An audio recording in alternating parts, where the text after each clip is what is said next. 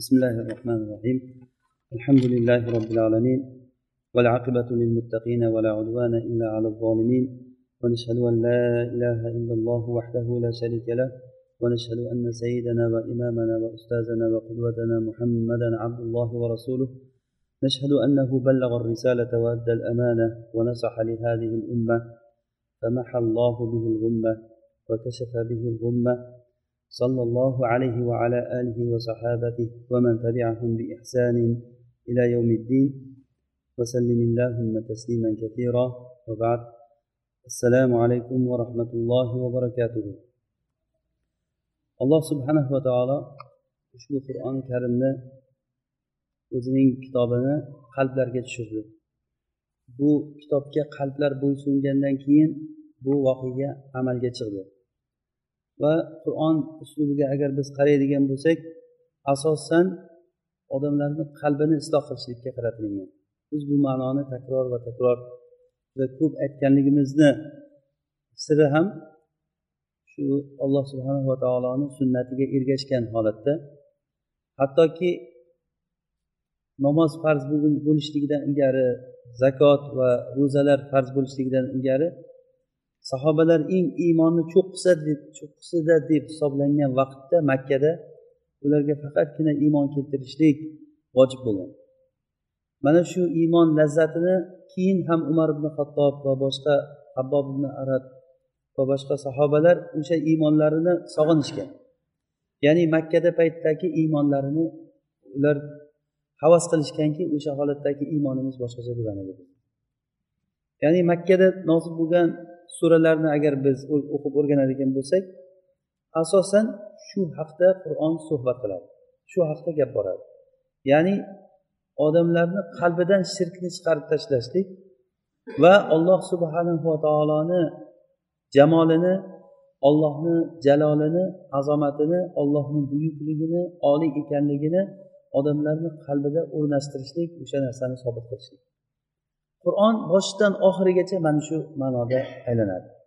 Hatto ahkomlar haqida gapirilganda ahkomlar haqida juda kam gapiriladi. Ya'ni fiqhiy masalalar ahkomlar haqida gapirilganda o'shalar ham ahkomlarni shunga bog'lab gapiradi. O'sha uchun ham qur'onda namozni nechi vaqt o'qishlik yo'q.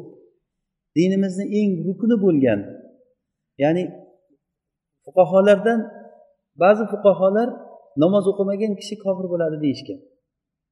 Ahmad ibn hambal isoq ibn rohiya va abdulloh mubarak imomlar namoz o'qimagan kishi dindan chiqadi murtad bo'ladi kofir bo'ladi deyishgan ya'ni demoqchimizki shunchalik darajada muhim o'rinda turgan namozni kuniga necha marta o'qilishligi qur'onda kelmagan. Va uni rakatlari va boshqa bir ular sunnat bilan sobit bo'ldi bizga. Qur'onda boshdan oxirigacha desak adashmaymiz. asosan shu qalbni isloh qilishlik qisqa qilib aytganda qalbdan shirkni chiqarib tashlashga harakat qilingan biz alloh subhanahu va taoloni ahzob surasidagi لقد كان لكم في رسول الله أسوة حسنة لمن كان يرجو الله واليوم الآخر وذكر الله كثيرا oyati haqida gapirayotgan edik suhbat qilib bunda alloh subhanahu va taolo aytadiki ollohni va oxirat kunini umid qilgan kishilar uchun rasululloh sollallohu alayhi vasallamda go'zal bir namunalar bor. Kimki ollohni umid qilgan bo'lsa va oxiratni umid qilgan bo'lsa va ollohni ko'p eslagan bo'lsa. Biz oldin darslarimizda bu haqida ko'p uzoq suhbat qildik. Aytdikki rasululloh sollallohu alayhi vasallamda namuna bor. Rasulullohda kim uchun? Ollohni umid qilgan va oxiratni umid qilgan kishilar uchun deyildi. O'tgan darsimizda mana shu haqda asosan suhbat qilib ollohni ko'p eslash degan joyga kelgandik. Va aytib o'tgan edikki ollohni eslashlik o'zidan oldingi o'tgan ma'lumotlarni qo'zg'aydi bu. Ollohni eslagandan keyin o'z uz o'zidan kishi qalbidagi ma'rifat ishga tushadi. Ollohni eslagandan keyin oldin bilgan narsalariga amal qilishlik boshlanadi. Biror bir gunoh sodir bo'lmaydi illo ollohni unutgandan keyin keyin o'sha gunoh sodir bo'ladi. Va ollohni eslashlikni eng mukammal ko'rinishligi til bilan va qalb bilan til bir bo'lib turib uni ma'nosini fahmlab va uni ixlos bilan zikr qilishlik ibn qayim rahimaulloh aytganlaridek. Va beshinchisi va bu farz ibodatida bo'lishligi. Namozga o'xshagan hajga o'xshagan yoki jihodga o'xshagan holatlarda ya'ni farz holatida ollohni zikr qilishlik. Mana shu paytdagi zikr haqiqiy eng komil zikr bo'ladi. Va bu zikrni biz farz holatdagi zikrni eng komil ko'rinishligi haqida suhbatimizni boshlab bunda namozni misol qilib aytgan edik hattoki namoz ollohni zikri uchun bandalarga namoz o'qishlik vojib bo'ldi ollohni eslatishlik uchun. Va aqimis solata lidikri meni eslashlik uchun namoz o'qi dedi alloh taolo. Namoz o'qishlik kuniga besh marta namoz o'qiymiz. Va bu namoz haqida aytgan edik namozni alloh taolo yaxshi ko'radi. Eng yaxshi ko'rgan narsalardan bu namoz ollohni shuning uchun ham aynan shu namozni alloh taolo osmonda rasululloh sollallohu alayhi vasallamga bevosita buni farz qildi. Boshqa ahkomlar boshqa ahkomlar farishta olib kelib berdi rasulullohga lekin namoz merojga chiqqanlarida rasululloh sollallohu alayhi vasallamga vojib bo'ldi. Va alloh taolo besh vaqt emas ellik vaqt namozni vojib qildi. Demak bundan chiqadiki namozni alloh taolo yaxshi ko'radi. Va namozni agar holatiga qaraydigan bo'lsak namoz boshdan oxirigacha ollohni eslatadi. Va shu namozdagi zikrlarni eng kattasi allohu akbar. O'tgan darsimizda mana shu haqida suhbat qilgan edik. Allohu akbar ya'ni qurtubiy rahimaulloh aytganlari kabi ollohu akbar degan lafzchalik arab tilida ollohni ulug'laydigan biror bir kalima yo'q degan va nisaburiy rahimaullohni gaplarini aytgan edik. U kishi aytgandilarki ollohni ulug'lashlik ollohu akbar degan lafz buni bir qancha ma'nolari bor. Bir qancha navlik bo'ladi bu. Shulardan biri olloh subhanahu va taoloni zotida ulug'lashlik alloh taoloni yana biri ahkomlarida ulug'lashlik. Ollohu akbar degan kishi ollohni hukmini olmasa ollohu akbar degan ma'no uni qalbida o'rnashmagan bo'ladi. Va namoz bir rakatda olti marta ollohu akbar deb aytilinadi dedik. Bir rakatda olti marta. Nimaga bunchalik ko'p bu zikr aytilinadi? Aynan ollohu akbar. Va namozni boshlashlikda fuqaholar ba'zi fuqaholar ollohu akbardan boshqa lafz bilan boshlasa bo'ladi degan. Lekin aksar fuqaholar aytishganki bo'lmaydi. Ollohu akbardan boshqa zikr bilan namozni boshlab bo'lmaydi. Demak bu zikr bergan ma'noni boshqa zikrlar bermaydi. Va aytgan edikki ollohu akbar agar odamni qalbida mustahkam o'rnashsa namozdagi asosiy maqsad shu o'zi. Sizni qalbingizda nima katta bo'lsa namozda shuni o'ylab o'tirasiz. Agar siz uchun pul muhim bo'lsa tirikchilik muhim bo'lsa namozda shu narsani o'ylab o'tiradi odam. Va namozdan oldin nima yo namozdan keyin sizni bir muhim narsa kutadigan bo'lsa sizni qalbingizda o'sha narsa kattaroq bo'lganligi uchun o'shani o'ylab o'tirasiz. Vaholanki tilingiz ollohu akbar allohu akbar deb yotib turyapti. Demak bu zikrda qalb bilan til bir biriga bog'lanmayapti. Va o'zini maqsadini bermaydi. Namozdan ko'zda tutilingan narsa inna solata tanha anil fahshai val munkar. Namoz fahsh va munkar ishlardan qaytaradi deyilgan. Vala zikrullohi akbar va alloh taoloni eng katta zikr zikridir bu namoz. Mana shulardan kelib chiqib qarasak agar zikr til bilan qalb bilan va uni ma'nolarini tushunib farz bo'lgan ibodatda mana namozga o'xshagan. Ixlos bilan agar qilinsa bu eng komil zikr bo'ladi. Mana shu zikr bizni hayot mamotimiz bo'ladi. Shu zikrni qilgan kishi ollohni va oxirat kunini umid qiladi va ollohni oxirat kuni umid qilgan odamgina rasulullohga ergasha oladi. Bo'lmasa rasululloh sollallohu alayhi vasallam o'tirgan soyada o'tirishlik odamga olloh asrasin yomon ko'rinib qolar ekan. Hatto rasululloh sollallohu alayhi vasallam bir daraxtni soyasida o'tirsalar o'sha daraxtni soyasida soyalashlik ba'zi kishilarga yomon ko'rinib qolar ekan. Hatto abdulloh ibn ubay ibn salulga o'xshagan munofiqlar bir kuni rasululloh sollallohu alayhi vasallam bir ish bilan o'shalarni oldiga borgan paytda jamoatda o'tirganlarida rasululloh ularni oldiga kelib ba'zi bir foydali gaplarni gapirishni boshlaganlarida abdulloh ibn ubay aytdiki rasulullohga bilamiz sen yaxshi gaplarni gapiryapsan lekin mana u eshagingni sassiqligi bizga ozor beryapti. Sen borib uyingga boravergin kimga gap kerak bo'lsa borib sendan so'rab oladi eshitib oladi gapni degan. Shu darajada uyatsizlik surbetlik bilan rasulullohdek kishiga mana shu gapni uyalmasdan gapirgan shu odamlar. Nima majbur qilgan uni gapirishlikka bu narsani? U qalbida ollohni va oxirat kunini umid qilishlik degan narsa bo'lmagan unda. Biz uchun eng muhim narsa shu. Fursatni o'tkazib qo'ymasdan biz mana shu ilmni yaxshi o'rganishligimiz kerak. Yana shu zikrlardan biri bugun suhbatlashmoqchi bo'lganimiz namozdagi ba'zi zikrlar haqida gapiramiz. Ya'ni buyuk buyuk katta katta zikrlar. Shulardan biri subhan robbiyal azim subhan robbiyal ala degan zikrlar.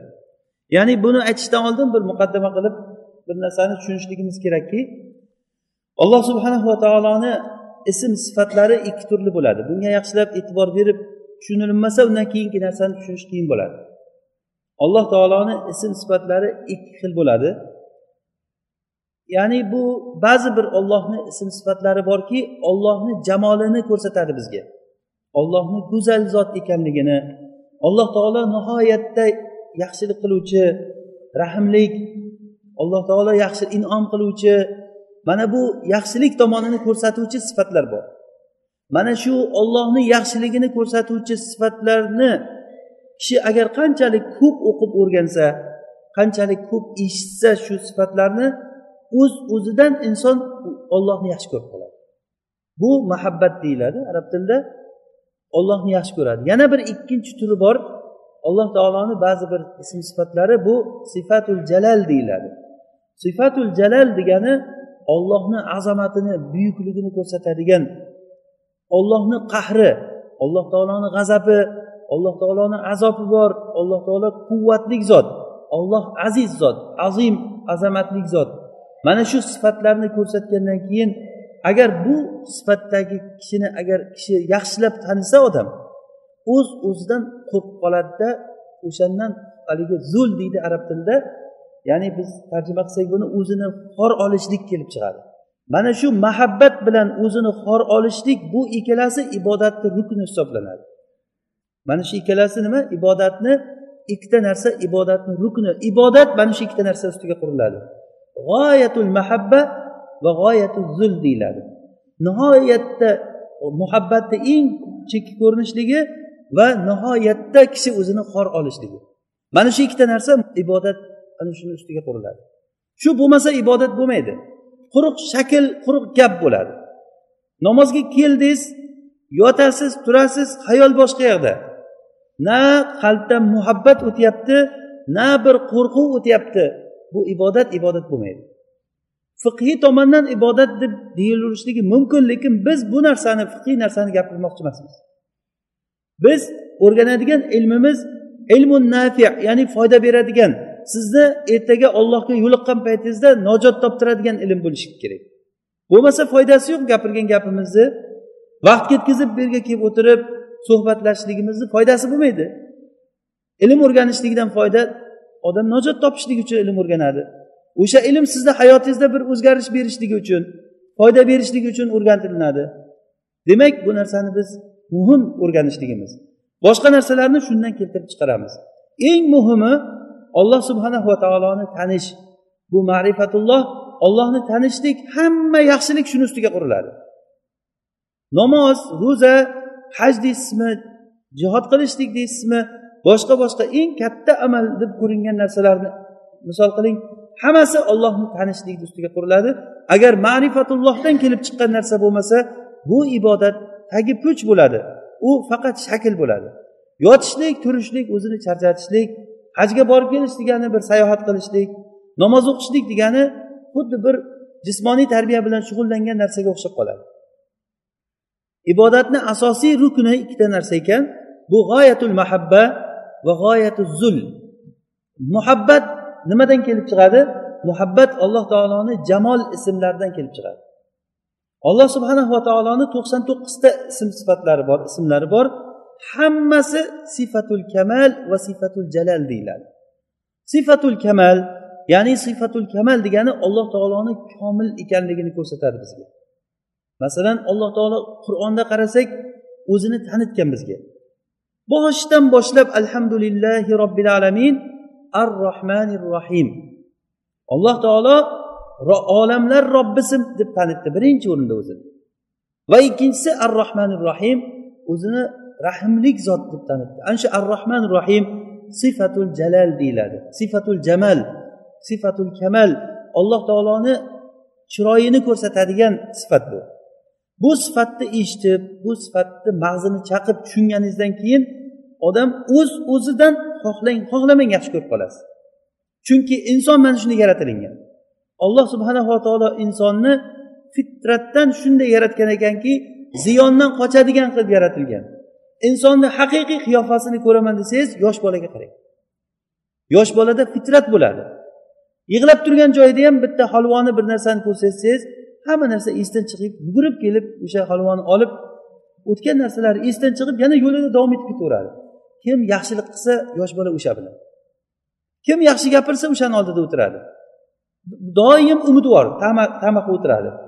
Kim narsa bersa o'sha bilan ishi. O'shani kattasimiz biz hozir sherib turganlar. Kattardik ozroq farqimiz ozroq yil o'tdi bizga. Mana shu tamagirlik o'sha umid o'sha o'sha bor. Lekin faqat farqi shundaki mo'min kishilar o'sha umidini o'sha tamasini ollohga burib qo'ysa undan ko'ra oliy odam bo'lmaydi. Alloh taolo qur'onda aytadiki vala tahinu vala tahzanu va antumul a'launa in kuntum mu'minin. Sizlar hech qachon zaiflashmanglar hech qachon xafa bo'lmanglar. Sizlar agar mo'min bo'ladigan bo'lsanglar sizlar oliysizlar degan. Agar mo'min bo'ladigan bo'lsanglar oliysizlar. Mana shu oyatga ozroq to'xtalamiz. Vala tahinu ya'ni vahan degani nima? Vahan degani o'zi asli vahanni rasululloh sollallohu alayhi vasallam vamal vahan ya rasululloh? Qola hubbu dunya va karohiyatul mavt deganlar. Vahan nima deganlarida rasululloh aytdilarki dunyoni yaxshi ko'rishlik va o'limdan qo'rqishlik. mana bu narsani vahan deyilgan arab tilida ya'ni biz buni zaiflashishlik deymiz bu o'zi asli uzun hadis sizlarga boshqa ummatlar ya'ni musulmonlardan bo'lmagan ummatlar bir birini chaqirib turib sizlarni talab yeyishlik uchun bir birini chaqiradi xuddi musulmonlarga boshiga tushib qolgan shu bugungi kunda gapirganga o'xshaydi تتكالب عليكم الأمم كما تتكالب الأكلة على قصعتها Xuddiki bir quzg'unlar haligi yeydigan tovog'iga talashganday ovqatga talashganday boshqa ummatlar bir birini chaqirib sizni talash uchun bir birini chaqiradi degan. Ey rasululloh o'sha kuni biz oz bo'lamizmi degan. Sahobalar biz kam bo'lamizmi? Shu uchun unda sahobalar juda ham izzatda ular sahobalar quvvatda bo'lgan paytlari bo'lgan. Hech qachon hech kimga bo'ysunmagan payti bo'lgan. Ey rasululloh o'sha paytda biz sanog'imiz ozayib ketadimi deganda yo'q sanoqlaring ko'p bo'ladi degan. Lekin xuddi dengizni ko'pigiga o'xshaysizlar degan. Ichi puch bo'ladi. Musulmonman deydi lekin uni qalbida shirk bo'ladi. Musulmonman deydi ichida ma'rifat degan narsa bo'lmaydi u kishilarda. Faqatgina oti musulmon. Tuyoq soni bilan sanaganda bir milliard uch yuz milliondan ziyod chiqadi sanasa. Lekin agar tekshirib qaraganda mo'min sifati bilan olinadigan odamni topish qiyin bo'lib qoladi. Alloh taolo aytyaptiki agar mo'min bo'lsanglar sizlar oliysizlar deyapti. Bu robbil alaminni va'dasi bu. Va antumul a'launa al a'launa degani arab tilida xabar antum mubtado bo'lsa al a'launa xabar xabar ma'rifa kelyapti. Xabarni ma'rifa kelishligi bu taxsisni ifoda qiladi. Ya'ni g'olib faqat sizlar sizlar degani. Sizlar albatta g'olibsizlar agar mo'min bo'lsanglar sharti shu. In kuntum mo'minin mo'min bo'lsak nimaga mo'min bo'lsak? Alloh taoloni tanisak biz. Alloh taolo akbar deb ishonsak. Olloh azam alloh taolo rahim rohman ollohni mana shu sifatlari bilan ollohni bizni hozir kuzatib turibdi shu o'tirishligimizda. Degan narsalarni qanchalik darajada biz agar yaxshi tushunsak shunga yaxshi iymon keltirsak qalbdan shirk chiqib ketadi. Qalbdan shirk chiqqan payti inson ollohdan boshqadan qo'rqishni o'sha payt yo'qotadi. Nima uchun bizda ollohdan boshqadan qo'rqishlik bor? Hamma narsadan qo'rqishlik bor. Chunki qalbda shirk bor. Ollohdan boshqadan tama qilishlik bor. Ollohga bo'lgan iymon ollohga bo'lgan iymon deganda ollohni sifatlariga ishonishligimiz kerak.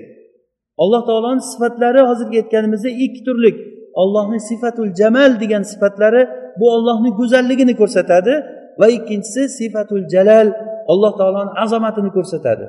Olloh nihoyatda buyuk zot. Alloh taoloni qahri qattiq azobi qattiq zot. Alloh taolo aziz zot. Ollohni hech kim g'olib bo'lolmaydi. Olloh akbar. Eng oxirgi. Eng muhim o'rinlarda rasululloh sollallohu alayhi vasallam allohu akbar dedilar hatto jihod maydonidagi kalima allohu akbar deyilgani bo'lgan. Ya'ni jihodda sizni ko'zingizga dushmanlar katta ko'rinadi lekin ollohu akbar. Olloh ulardan ko'ra buyuk. Rasululloh sollallohu alayhi vasallamga bir kishini judayam jihod maydonida qattiq matonat bilan urushayotganligi aytilingan paytda ey rasululloh falonchi judayam qattiq jasoratini ko'rsatyapti ko'p kofirlarni o'ldirib tashlayapti deyilgan paytda rasululloh aytdilarki u do'zaxda deganlar. Shunda haligi kishi shubhalanib qolgan. Rasululloh do'zaxda dedilarmi? Demak bu yerda bir gap bordi. Men o'sha odamni kuzatish bilan ovora bo'ldim degan.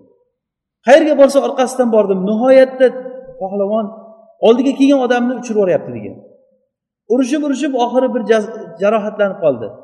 Jarohatlanganda oxiri nimaga og'riqqa chidayolmasdan qilichini ushlaydigan joyini yerga qo'yib uchini qorniga qo'ydida o'zini qilichni ustiga tashladi. Shunda rasulullohni oldiga kelib turib ashhadu an la ilaha illalloh va anna muhammadu rasululloh degan haligi sahobiy shunda rasululloh nimaga unaqa deyapsan deganda haligi siz aytgan odam shunday qilib o'zini o'zi o'ldirdi deganda rasululloh allohu akbar deganlar. Ollohu akbar deb o'shanda tasbeh aytdilar rasululloh sollallohu alayhi vasallam. Ya'ni ollohni qilgan va'dasi alloh taoloni bergan keltirgan vahiysi haq ekanligini isbotini ko'rgan paytda. Mana shunaqangi holatlarda insonga buyuk bir narsa katta narsa ko'rinsa qalbimizdagi iymon ollohni akbar ekanligiga bo'lgan iymon u narsanidan bizni yengib tashlashlik kerak. Fir'avnni sehrgarlari ular muso alayhissalomni yengish uchun olib kelingan. Ular pul uchun kelgan odamlar. Aslida pul uchun va mansab uchun kelgan. Kelib turib fir'avnga aytganki agar biz g'olib bo'layotgan bo'lsak bizga ajr bormi mukofot bormi? Deganda qola naam innakum minal muqarrabin. Ha sizlar unda menga eng yaqin odam pul ham mana yoqda tursin sizlar menga yaqin odam bo'lasizlar pul bu yoqdagi narsa degan. Tamom rozimiz degan ular. Ular muso alayhissalomni yengish uchun maydonga chiqqan odamlar. Olloh bilan kurashgani chiqqan. Pul uchun va mansab uchun. Eng fusuqni eng yomonlikni cho'qqisidagi kishilar bo'lgan. Va jang boshlangan paytda ular sehrlarni ko'rsatib orqonlarini tashlagandan keyin muso alayhissalomga alloh taolo vahiy qildiki qo'lingizdagi asoyingizni tashlang dedi. Asoni tashlagan paytda haligi aso tez harakat qiladigan katta ilonga aylandi. O'zi aslida katta ilon tez harakat qilmaydi. Lekin u ilon juda katta ilon edi va harakati kichkina ilonga o'xshar edi. Haligi sehrgarlarni tashlagan orqonlarini hammasini yutib yutib yubordi. Shunda sehrgarlar bildiki shunda qalbiga ma'rifat keldi. Sehrgarlar bilishdiki bu sehr emas bu. Bu ollohni haqiqiy bu mo'jizasi bu. Shu paytda qalbiga iymon kirib keldi. Iymon kirib kelgan paytda biz musoni va horunni robbisiga iymon keltirdik deyishdan oldin sajda qilib yiqildi.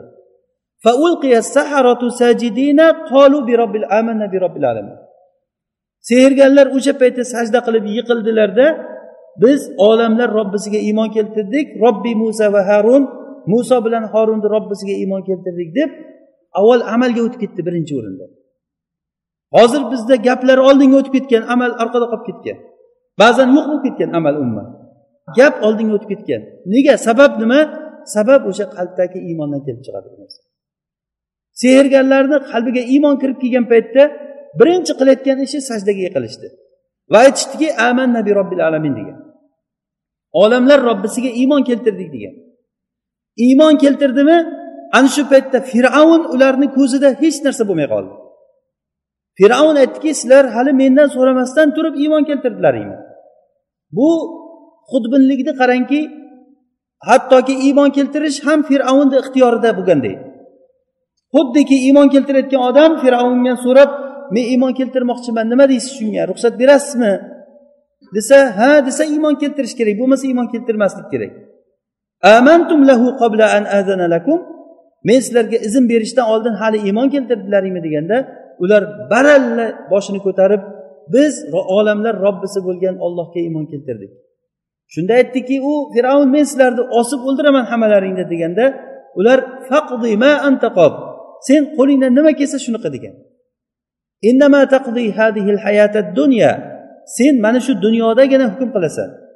Biz olloh taologa iymon keltirdik olloh bizni gunohlarimizni kechirishligi uchun. Ya'ni ularni hammasini osib o'ldirgan fir'avn. Lekin o'sha o'ldirishligi ular uchun hech qanday bir xorlik hech qanaqangi qo'rqinchni keltirib chiqarmagan. Mana bu alloh taoloni qur'ondagi aytgan va'dasiki va antumul a'launa in kuntum mu'minin. Agar sizlar mo'min bo'layotgan bo'lsanglar sizlar oliysizlar degan. Musulmon kishilar hozirgi iymondaman degan odamlarni qalbidagi shirki ularni mana shu holatga olib tushib qo'ydi. Alloh taologa bo'lgan gumonimiz qanaqa? Biz dushmanlarni juda kuchli deb o'ylaymiz. Lekin olloh undan ko'ra kuchliroq emasmi? Ha kuchliroq to'g'ri deymiz. Lekin to'g'riki ya degan joyi bo'ladi oxirida. Lekin degan narsalar bo'ladi. Alloh taolo akbar olloh azom bo'lgan zot. Agar sizlar shunga iymon keltirsalaring ollohni buyuk ekanligiga iymon keltirsalaring o'sha paytda qalbdan qo'rqinch degan narsa chiqib ketadi. Mana abu zar g'iforiy roziyallohu anhuni iymon keltirishlik qissasida. Abu zar g'ifor qabilasidan. Bu kishi o'zini ukasiga aytganki makkada payg'ambar chiqibdi. Borib turib shu payg'ambarni bilib kel xabarini menga.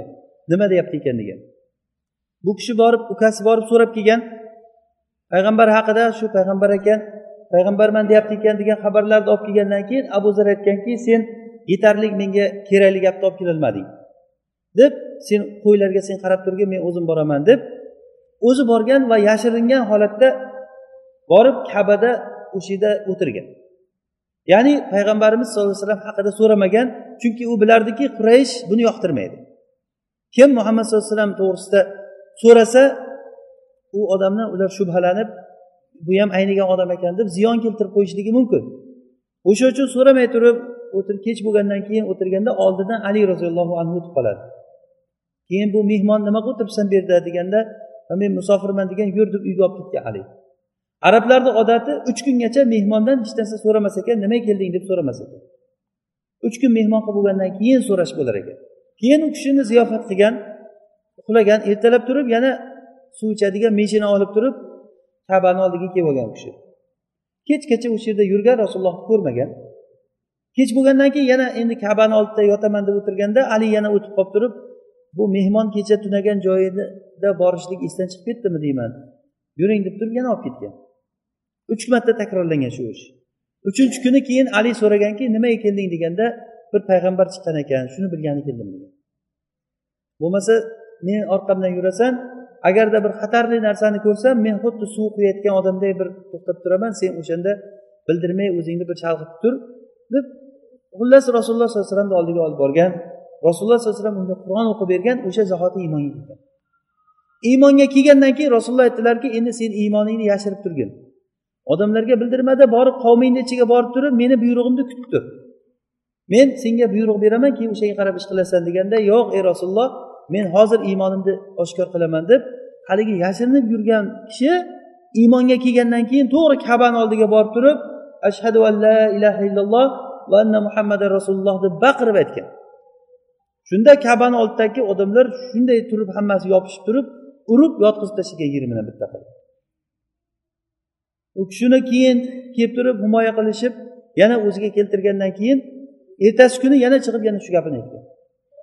Yana ular urgan. Mana shu narsani paydo bo'lishligi qayerdan paydo bo'ldi bu narsa? Bu iymondan paydo bo'ldi. Ayni shu narsani alloh taolo bizga aytyaptiki tahinu vala tahzanu. Sizlar hech qachon zaiflashmanglar. Va hech qachon xafa bo'lmanglar. Huzn bu arab tilida o'tib ketgan narsaga xafa bo'lish degani. O'tib ketgan narsa biz musibatlar yoki masalan qancha musulmonlar shahid bo'lganligiga xafa bo'lishimiz mumkin. Lekin ollohga iymon keltirgan odam unga xafa bo'lmaydi. Nimaga xafa bo'lasiz? Chunki u ollohni oldiga ketdiku. Olloh yo'lida o'ldirilgan kishilarni o'lik deb hisoblamanglar. Ular robbisini huzurida rizqlanadigan holatda tirik ular. Yoki bir yaxshi ko'rgan kishingiz dunyodan o'tsa bu musibat lekin bu musibat sizga yaxshilik bo'lishligiga iymon keltirsangiz alloh subhana va taoloni qiladigan ishlari hammasi hikmat bilan ekanligini kishi bilgandan keyin musibatlarni hammasi ollohni fe'li ollohni ishi ekanligini bilgandan keyin bu kishi xafa bo'lmaydi. Vala tahinu vala tahzanu va antumul a'launa in kuntum mu'minin. Agar mo'min bo'layotgan bo'lsanglar sizlar albatta oliysizlar degan demak biz mana shu narsalarni yaxshi bilsak keyin biz o'z kimligimizni bilamiz va bizga izzat va bizga ulug'lik ana shu joyda keladi. Yana o'sha mavzumizdan ozroq chetlab qoldik. Alloh subhanava taoloni sifatlari ikki xil bo'ladi dedik. Biri ollohni sifatul jamal sifatlari ikkinchisi sifatul jalal sifatlari. Sifatul jamal degani ollohni go'zalligini ko'rsatadi bundan nima kelib chiqadi? Muhabbat kelib chiqadi. Va ikkinchisi sifatul jalal. O'zini xorlash kelib chiqadi. Zul. O'zini demak o'sha muhabbat bilan zul bu ibodatni ikkita rukni bu. Ibodatni ikkita rukni ibodat shuni ustiga quriladi. Endi qur'onga qaraydigan bo'lsak agar namozga qaraydigan bo'lsak ham namozdagi zikrlar qur'ondagi zikrlar mana shu ikkita sifatni bizga bir biriga bog'lab o'rgatib keladi. Ikkita sifat kelsa bittasi sifatul jalal bittasi sifatul jamal bo'ladi. Masalan attahiyatu lillahda. Innaka hamidun majid deyiladi oxirida. Hammamiz aytamiz buni. Innaka hamidun majid. Hamid bu alloh taoloni maqtovlik sifatlari bu. Alloh taolo maqtovga sazovor zot degani. Olloh mahmud zot degani. Ya'ni maqtalingan degani. Mahmud bilan hamidni farqi shuki mahmud bir kimnidir maqtovchi tarafidan maqtalingan kishi degani. Lekin hamid degani maqtovchisi bo'lmasa ham maqtovga loyiq zot degani. Va ham bilan madahni o'rtasidagi farq madah degani masalan bir odam bir kishini maqtashligi mumkin madahtuhu li furusiyatihi deb. Bir odamni maqtaysiz lekin muhabbat bo'lmasa ham maqtash mumkin. Xuddiki masalan gazetalarda yoki jurnallarda bir rahbarlar maqtalinganiga o'xshab. U ishdan bo'shaguncha yo ketguncha maqtaydi. Ketib bo'lgandan keyin o'sha maqtovlar boshqacha narsaga aylanadi birdan. U maqtovlar nima uchun bo'lgan? Bu maqtovlar qalbda muhabbat bo'lmagan. Endi ba'zi bir kishilar maqtaydi o'zi yaxshi ko'rmagan holatda maqtaydi. Bu madh deyiladi. Lekin hamd bo'lsa hamd bu muhabbat bilan maqtash degani. Alloh subhanava taolo hamid zot. Hamid degani olloh taoloni hamma ishlarida alloh taolo maqtalgan. Oddiy misol uchun quyoshni yaratib qo'yganligida. Agar faraz qiling quyosh yo'q bo'lsa nima bo'laydi? Quyosh yo'q bo'lganda hayotimiz qanday kechadi bizni quyoshni borligi uchun ollohni maqtaysizmi yo'qmi? Ollohga hamd aytasizmi? Oddiy bir kechqurunni borligini ayting. Oddiy emas bu kechqurun katta bir ne'mat bu.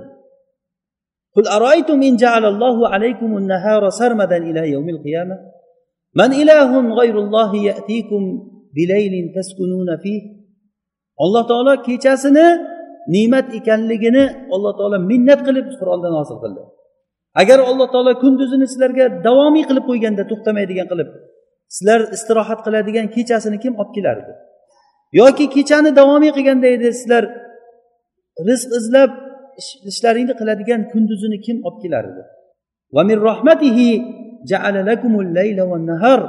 Ollohni rahmatidan sizlarga kecha va kunduzni qilib berdi. Kecha va kunduzni qilganligini alloh taolo rahmati deyapti.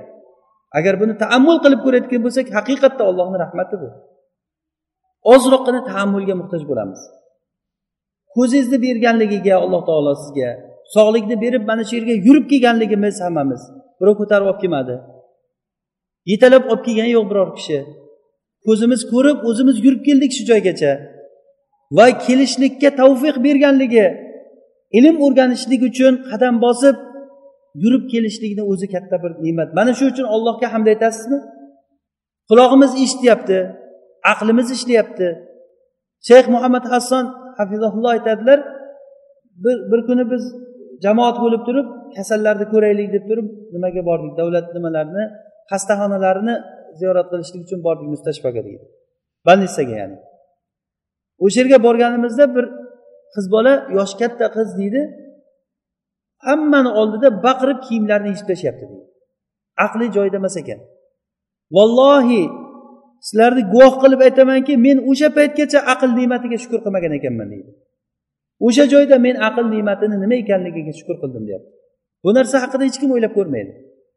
Qachon inson bir narsadan ajralib qolsa yoshlikni ne'matini qari kishilar biladi. Sog'likni ne'matini sog'likdan ajralib qolgan kishilar biladi. Lekin o'sha bilgan paytda allohga hamd aytadi odam. Alloh taolo qisqasi hamid zot. Alloh taolo hamma ishida maqtalingan zot. Allohimma lakal hamdu mil as samavati va mil al ard va mil ma baynahuma. Ya'ni ey ollohim senga osmonlar to'la hamd bo'lsin. Yer to'la ham bo'lsin osmon bilan yerni o'rtasichalik to'la ham bo'lsin. Rasululloh sollallohu alayhi vasallam bu duoni namozni boshlashlik paytida o'qirdilar. Allohimma lakal hamdu mil as samavati va mil al ardi va mil ma baynahuma. Ya'ni bu agarda osmonlardagi narsalar yerdagi narsalarda bitta bitta qarab chiqayotgan bo'lsangiz har biri uchun ollohga hamd aytasiz. Har biri uchun. Bir yili xitoyda chumchuqlar ko'payib ketganligi uchun maktab bolalariga chumchuqni o'ldirib kelishlikni hukumat shunga bolalarga nima qilib qo'ygan ekan vazifa qilib. Har bitta bola nechtadir chumchuqni kallasini olib kelishi kerak ekan har kuni maktabga. O'shanday qilib turib chumchuqlarga ommaviy hujum qilgandan keyin chumchuqlar qirilib ketgandan chigirtka bosib ketgan ekan hamma joyda. Uni ilojini qilolmay qolgan. Ya'ni alloh subhanava taolo hamma narsani muvozanat bilan yaratgan agar o'shani bilsangiz shu chumchuqni borligiga hamd aytasiz va chigirtkani ham borligiga hamd aytasiz agar nima uchun kelganligini tushunsangiz agar. Har bitta narsani borligiga ollohga hamd aytasiz faqat johil va g'ofil odamlar hamd aytmaydi lekin ular hamd aytmasa ham alloh taolo hamid va mahmud zot. Maqtovga sazovor zot. Mana bu ollohning go'zallik sifatlarini beradi. Hamid ollohni hamid o'sha maqtovga haqiqiy loyiq zot va majid ismi alloh taoloni ulug'ligini beradi. Innaka hamidun majid.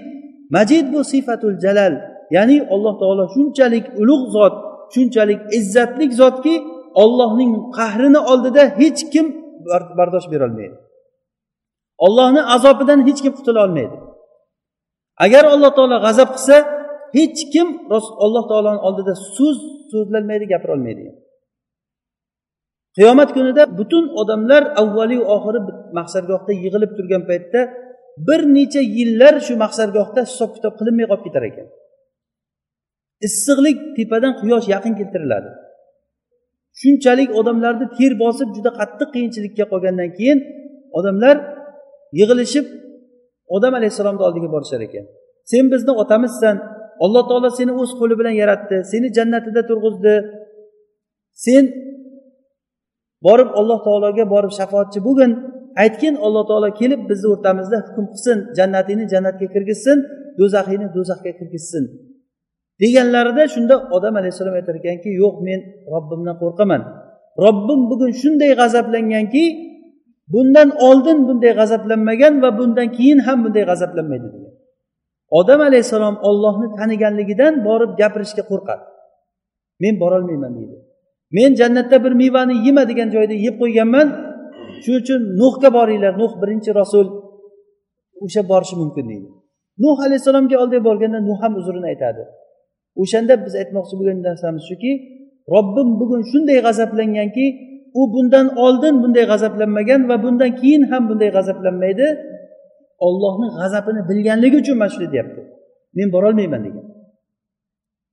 Ibrohimga boringlar degan ibrohim musoga boringlar degan isoga boringlar xullas aylanib kelib rasulullohni oldiga keladi. Shunda rasululloh ana laha der ekan men boraman der ekan va borib arshni tagiga borib sajda qilaman. Va alloh taolo o'shanda menga bir hamdlarni o'rgatadi. Hozir uni yaxshi aytolmayman ana o'shanda ham mahamid deb kelgan hamdlarni o'rgatadi ollohni maqtaydigan narsalarni ollohni ishlarini ollohni ulug'laydigan sifatlar bilan aytiladi duo qilinadi o'shanda.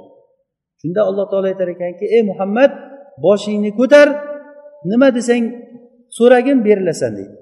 Nima nima xohlaysan deganda ey robbim borib bandalar o'rtasida hukm qilgin der ekan. Shunda alloh taolo bo'ldi men boraman der ekan. Muhim bu uzun hadis. Shu joyini aytmoqchimizki o'sha payg'ambarlarni gaplari bugun robbim shunday g'azablandiki bundan oldin bunday g'azablanmagan va bundan keyin ham bunday g'azablanmaydi.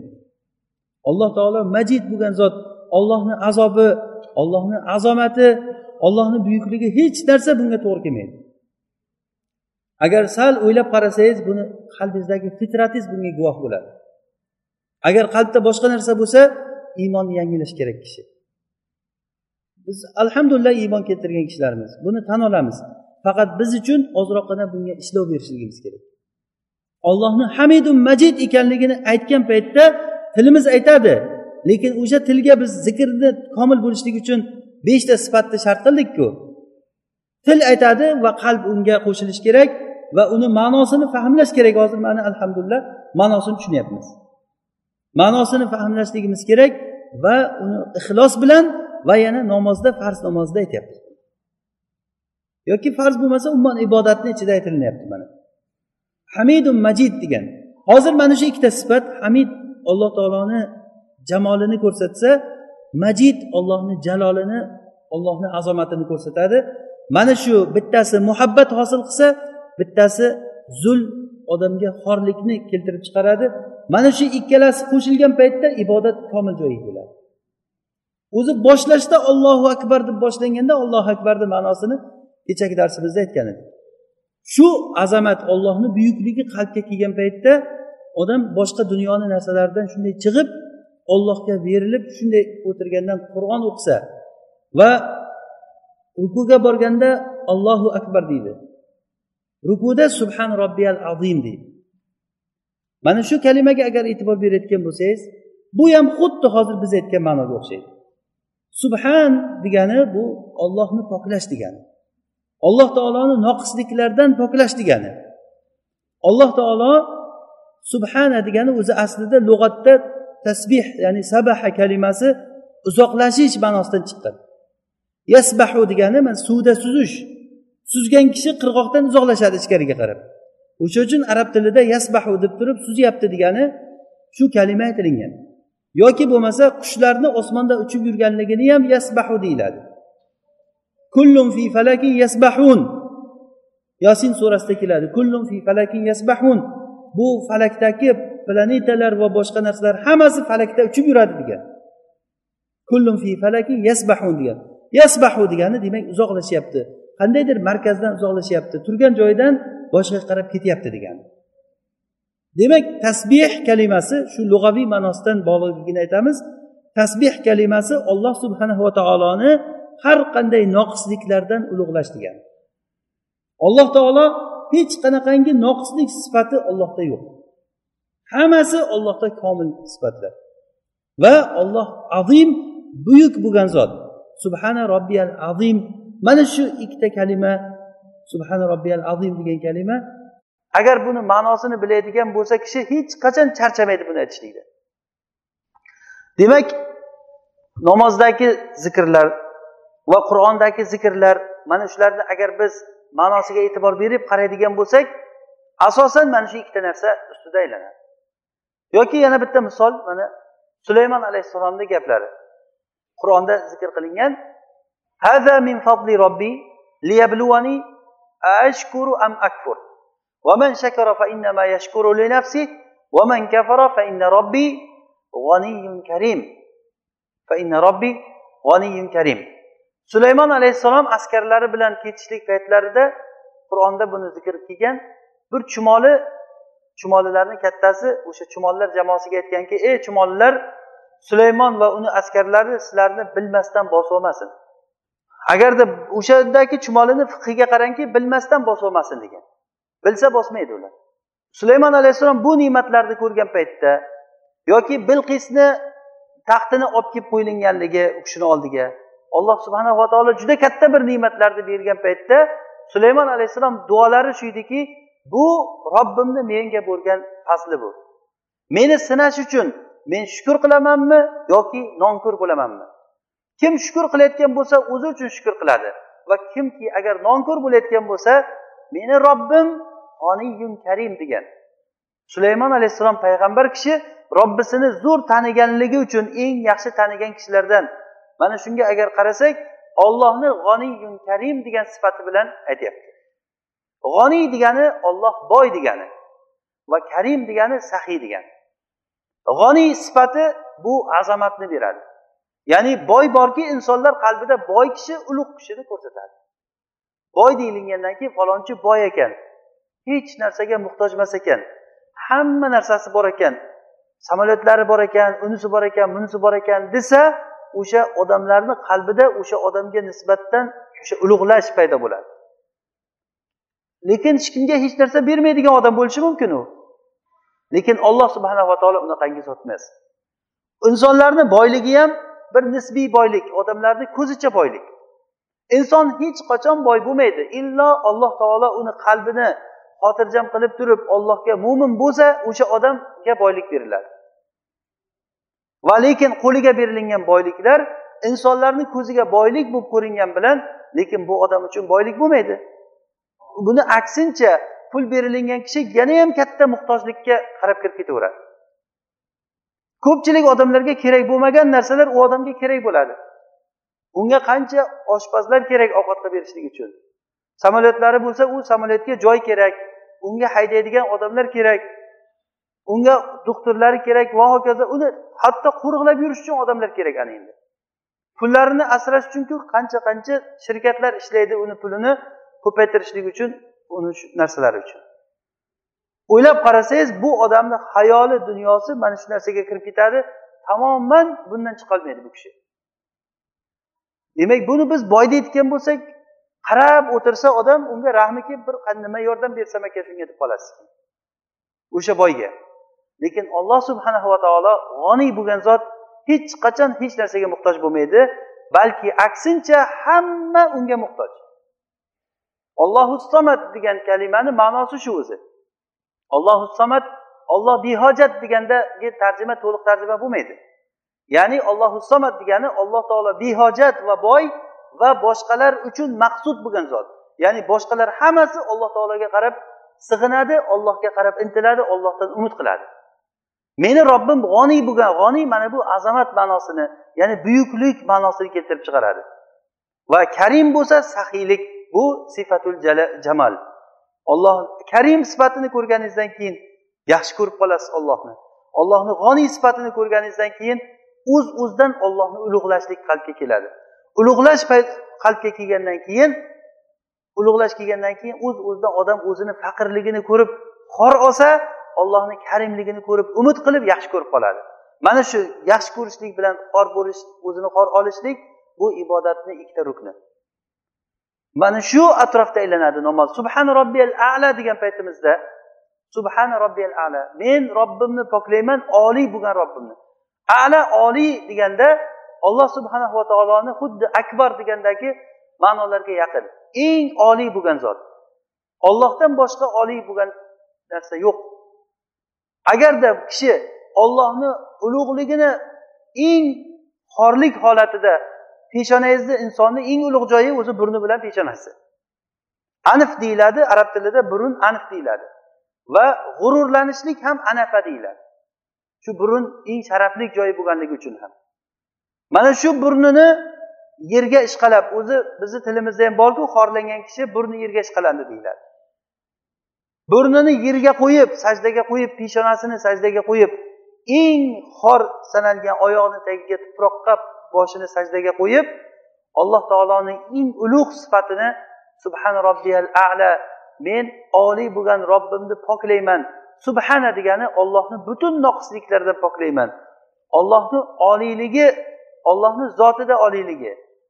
Alloh taoloni zotida oliy. Hech qanaqangi alloh taoloni zotida biror bir noqislik keltiradigan narsa yo'q agarda shu narsada to'g'ri tushuncha bo'lmasa shu joydan inson pand yeydi aynan adashgan toifalar mana shu ollohni zotida adashgan ya'ni alloh taologa ba'zi bir noqislik sifatlarini bergan olloh ba'zi bir qilgan ishlarimizni bilmaydi degan kishilar bo'lgan وما كنتم تستترون أن يشهد عليكم سمعكم ولا أبصاركم ولا, ولا جلودكم ولكن ظننتم أن الله لا يعلم كثيرا مما تفعلون ذلكم ظنكم الذي بربكم أرداكم فأصبحتم من الخاسرين sizlar ya'ni do'zaxga tushgan odamlar haqida aytilinadiki ularga qiyomat kunida ularni o'zlarini terilari ularga guvoh o'tadi va ularni quloqlari va ko'zlari guvoh o'tadi o'sha odamni ziyoniga guvoh o'tadi O'sha guvoh o'tganda alloh taolo shu holatni hikoya qilib berib keyin bizga aytadiki o'sha qur'onda sizlar ya'ni o'sha do'zaxiy kishilarga qarata aytyapti. Sizlar terilaringdan ko'zlaringdan va quloqlaringdan gunohni yashirib yurmasdinglar ya'ni yashirishlikka harakat qilmasdinglar. Lekin sizlar o'yladilaringki alloh taolo ko'p narsalarni bilmaydi deb o'yladilar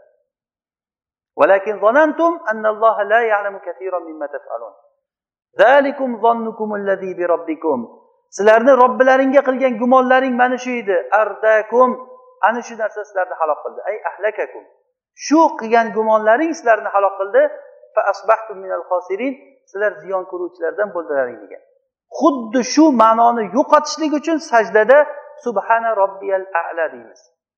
Alloh taoloni poklayman. Alloh taoloni noqisliklardan poklayman. Alloh taolo zotida hech qanaqangi ollohda bir kamchiligi yo'q. Alloh taoloni o'xshashi yo'q. Ollohni qiladigan ishlarida va ollohni o'zini zotida va alloh taoloni hech bir o'xshashi bo'lmagan zot ana shularni hammasidan poklayman degani. Oliy bo'lgan robbimni poklayman. Ana shuni ma'nosini agar inson tushunib aytsa sajdadan bosh ko'tarmaydi kishi. Rasululloh sollallohu alayhi vasallam namoz o'qirdilar. Namoz o'qigan paytlarida qiroatda baqara surasini zamsura qildilar kechqurungi namozga. Baqara surasi ikki yarim poraga yaqin. Ikki pora to'rt varaq.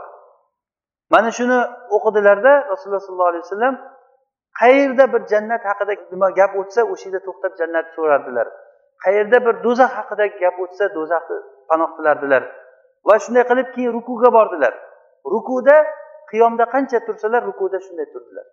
Ollohni poklayman degan deb shu rukuda shu tasbeh aytib rukuda turdilar.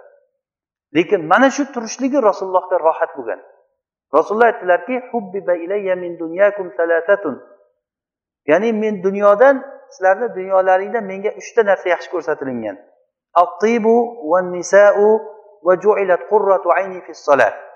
Xushbo'ylik va ayollar va meni ko'zimni xursandchiligi rohatim namozda qilindi degan. Qanday iymonki bu namoz o'qib rohat qilsa. Mana shu bilan odam o'zini holatini rasulullohga taqqoslab ko'raversin. Rasulullohda biz uchun katta bir namunalar bor. Nima uchun namuna ololmaymiz biz? Nima uchun biz uchun namozlar taklif bo'lib qolgan? Soatga qarab namoz o'qilinadi. Taroveh namozlarini o'qishligimiz kulgi hazil mutoyabaga aylanib qoldi bu narsa. Taroveh namozi yigirma rakatni xufton bilan birga qo'shib yigirma to'qqiz rakat vitrni ham o'qib yigirma sakkiz minutda tugatdik desa biz yigirma yetti minutda tugatdik deyiladi. Biz yigirma minutda tugatdik dedi ba'zilar chiqib. Kino boshlanguncha tugatib bo'ldik dedi keyin. Namozlar mana shu holatga tushib qoldi. Bu namozdagi zikr hozir biz aytgan maqsadlardan nima chiqyapti bu namozda? Allohu akbar allohu akbar allohu akbar allohu akbar deb yotib turaverishlikdan hech qanaqangi bir ma'no bo'lmaydiku bunda. To'g'ri uni namozi qabul emas. Yoki u bir narsa fiqiy jihatdan bir narsa demaymiz unga. Lekin namozdagi maqsad u emas. Inna solata degan namoz as solah degan haligi qo'sh tirnoq ichidagi namoz haqiqiy namoz emas u u namoz fahsh va munkar ishlardan qaytaradigan namoz bo'lishligi kerak. O'sha uchun ham namozni o'qigan o'qib chiqqandan fahsh munkarni davom ettirishlik emas namoz o'qib turgan joyida fahsh munkar ishni o'ylab o'tirishligi ham mumkin kishi. Bu namoz uni fahsh munkar ishidan umuman qaytarmaydi balki fahsh munkar ishini davomi sifatida xizmat qilyapti bu namoz unga demak namoz o'zini o'rniga tushmayapti bu uchun biz rasululloh sollallohu alayhi vasallamdan ibrat olishligimiz kerak. Rasulullohda biz uchun katta bir ibratlar bor. Kim uchun ibrat bor? Ollohni va oxirat kunini umid qilgan odamlar uchun va ollohni ko'p eslagan odamlar uchun. Biz ollohni ko'p eslashligimiz kerak. Ollohni kim eslaydi? Ollohni tanigan kishilar eslaydi. Ollohni tanishligimiz alloh subhanahu va taoloni ma'rifati bu narsa bizga ana shu ollohni ikkita sifatlarini tanishlikdan kelib chiqadi. Agar ollohni sifatul jamal va sifatul jalal sifatlari bilan ollohni taniydigan bo'lsak biz mana shunda o'z uz o'zimizdan ollohni yaxshi ko'rib qolamiz va ollohni buyukligini bilganingizdan keyin odam mutakabbirlik degan narsa manmansirash riyokorlik degan narsalardan odam uzoq bo'ladi. Kimki mutakabbir bo'ldimi bilingki bu odam jaholatni eng cho'qqisida bo'ladi. Ba'zi bir kishilar aytadi olim bo'lsa ham o'zi mutakabbir shu deyiladi. Olim bo'lsa ham mutakabbir degan narsa bir biriga teskari narsa. Chunki olim kishi mutakabbir bo'lmasligi kerak. Mutakabbir bo'lib kibr bo'ldimi bilingki unda ilm yo'q degani. Bu ilm degani qalbdagi ollohni tanish degani ollohni tanigan odam o'zini fitratiga o'zini qalbidagi ilmga teskari chiqolmaydi inson. Bu insonni qalbida ilm porlagandan keyin inson mana shunday yaratilingan. Xuddi yosh bolalarni misol qildiku inson foyda ziyonni o'lchab o'lchaydigan qilib yaratilingan. Nima foyda bo'lsa o'sha yoqqa qarab agar bitta joyga borishlikka ikkita yo'l bor bittasi uzoqroq bittasi yaqinroq bo'lsa aqli bor odam albatta bir qadam bo'lsa ham shu yaqinroq joydan o'tadi. Oddiy yo'laklarda ko'rsangiz ham shu ikki metr yaqinligi uchun shu o'tni bosib o'tadi odamlar. Yurishga qilib qo'yilgan yo'ldan yurmasdan ozroq yaqin bir metr yaqin bo'lsa ham o'sha yaqin joydan kesib o'tadi inson. Hamma insonni tabiati mana shunday yaratilgan ya'ni inson maslahatga qarab foydaga qarab intiladi. Kim bo'lsin foyda uchun? Kiyim kiyamiz foyda uchun. Kiyimni chiroylisini kiyamiz deymiz foyda uchun. Ovqatni tozasini yeyishga harakat qilinadi. Moshinni yaxshisini minsamidim. Kichikroq moshin minib yurgan odam kattaroq moshinga havas qiladi. Undan kattasiga havas qiladi. Bu to'ymaydi inson. Mana shunday ketaveradi ketaveradi inson mana shunday yaratilingan. Va anna ila robbikal muntaha. Oxiri ollohga borib taqaladi. Mana shu narsa agar olloh bilan sizni qalbingiz to'ysa o'sha odam haqiqiy boy bo'ladi. Ala bi zikrillahi tatmainnul qulub. Qalblar xotirjam bo'layotgan ollohni zikri mana shu bo'ladi. Agar qalbga ollohni zikri kirsa mana shu zikrgina qalbni xotirjam qiladi. Agar qalbingiz xotirjam bo'lmayaptimi? Ollohdan boshqadan umidingiz bor ollohdan boshqadan qo'rqish bormi? Bilingki bu qalbda hali iymon to'liq o'rnashgan yo'q degan. Bu uchun inshaalloh suhbatimizda hali yana davomi bor. Alloh subhanava taolo eshitganlarimizga amal qilishni nasib qilsin. Alloh taolo dinimizda faqihlardan qilsin. Darsimizni foydali qilsin subhanakallohumma bihamdik nashhadu an la ilaha illa ant nastag'firuka va natubu ilayk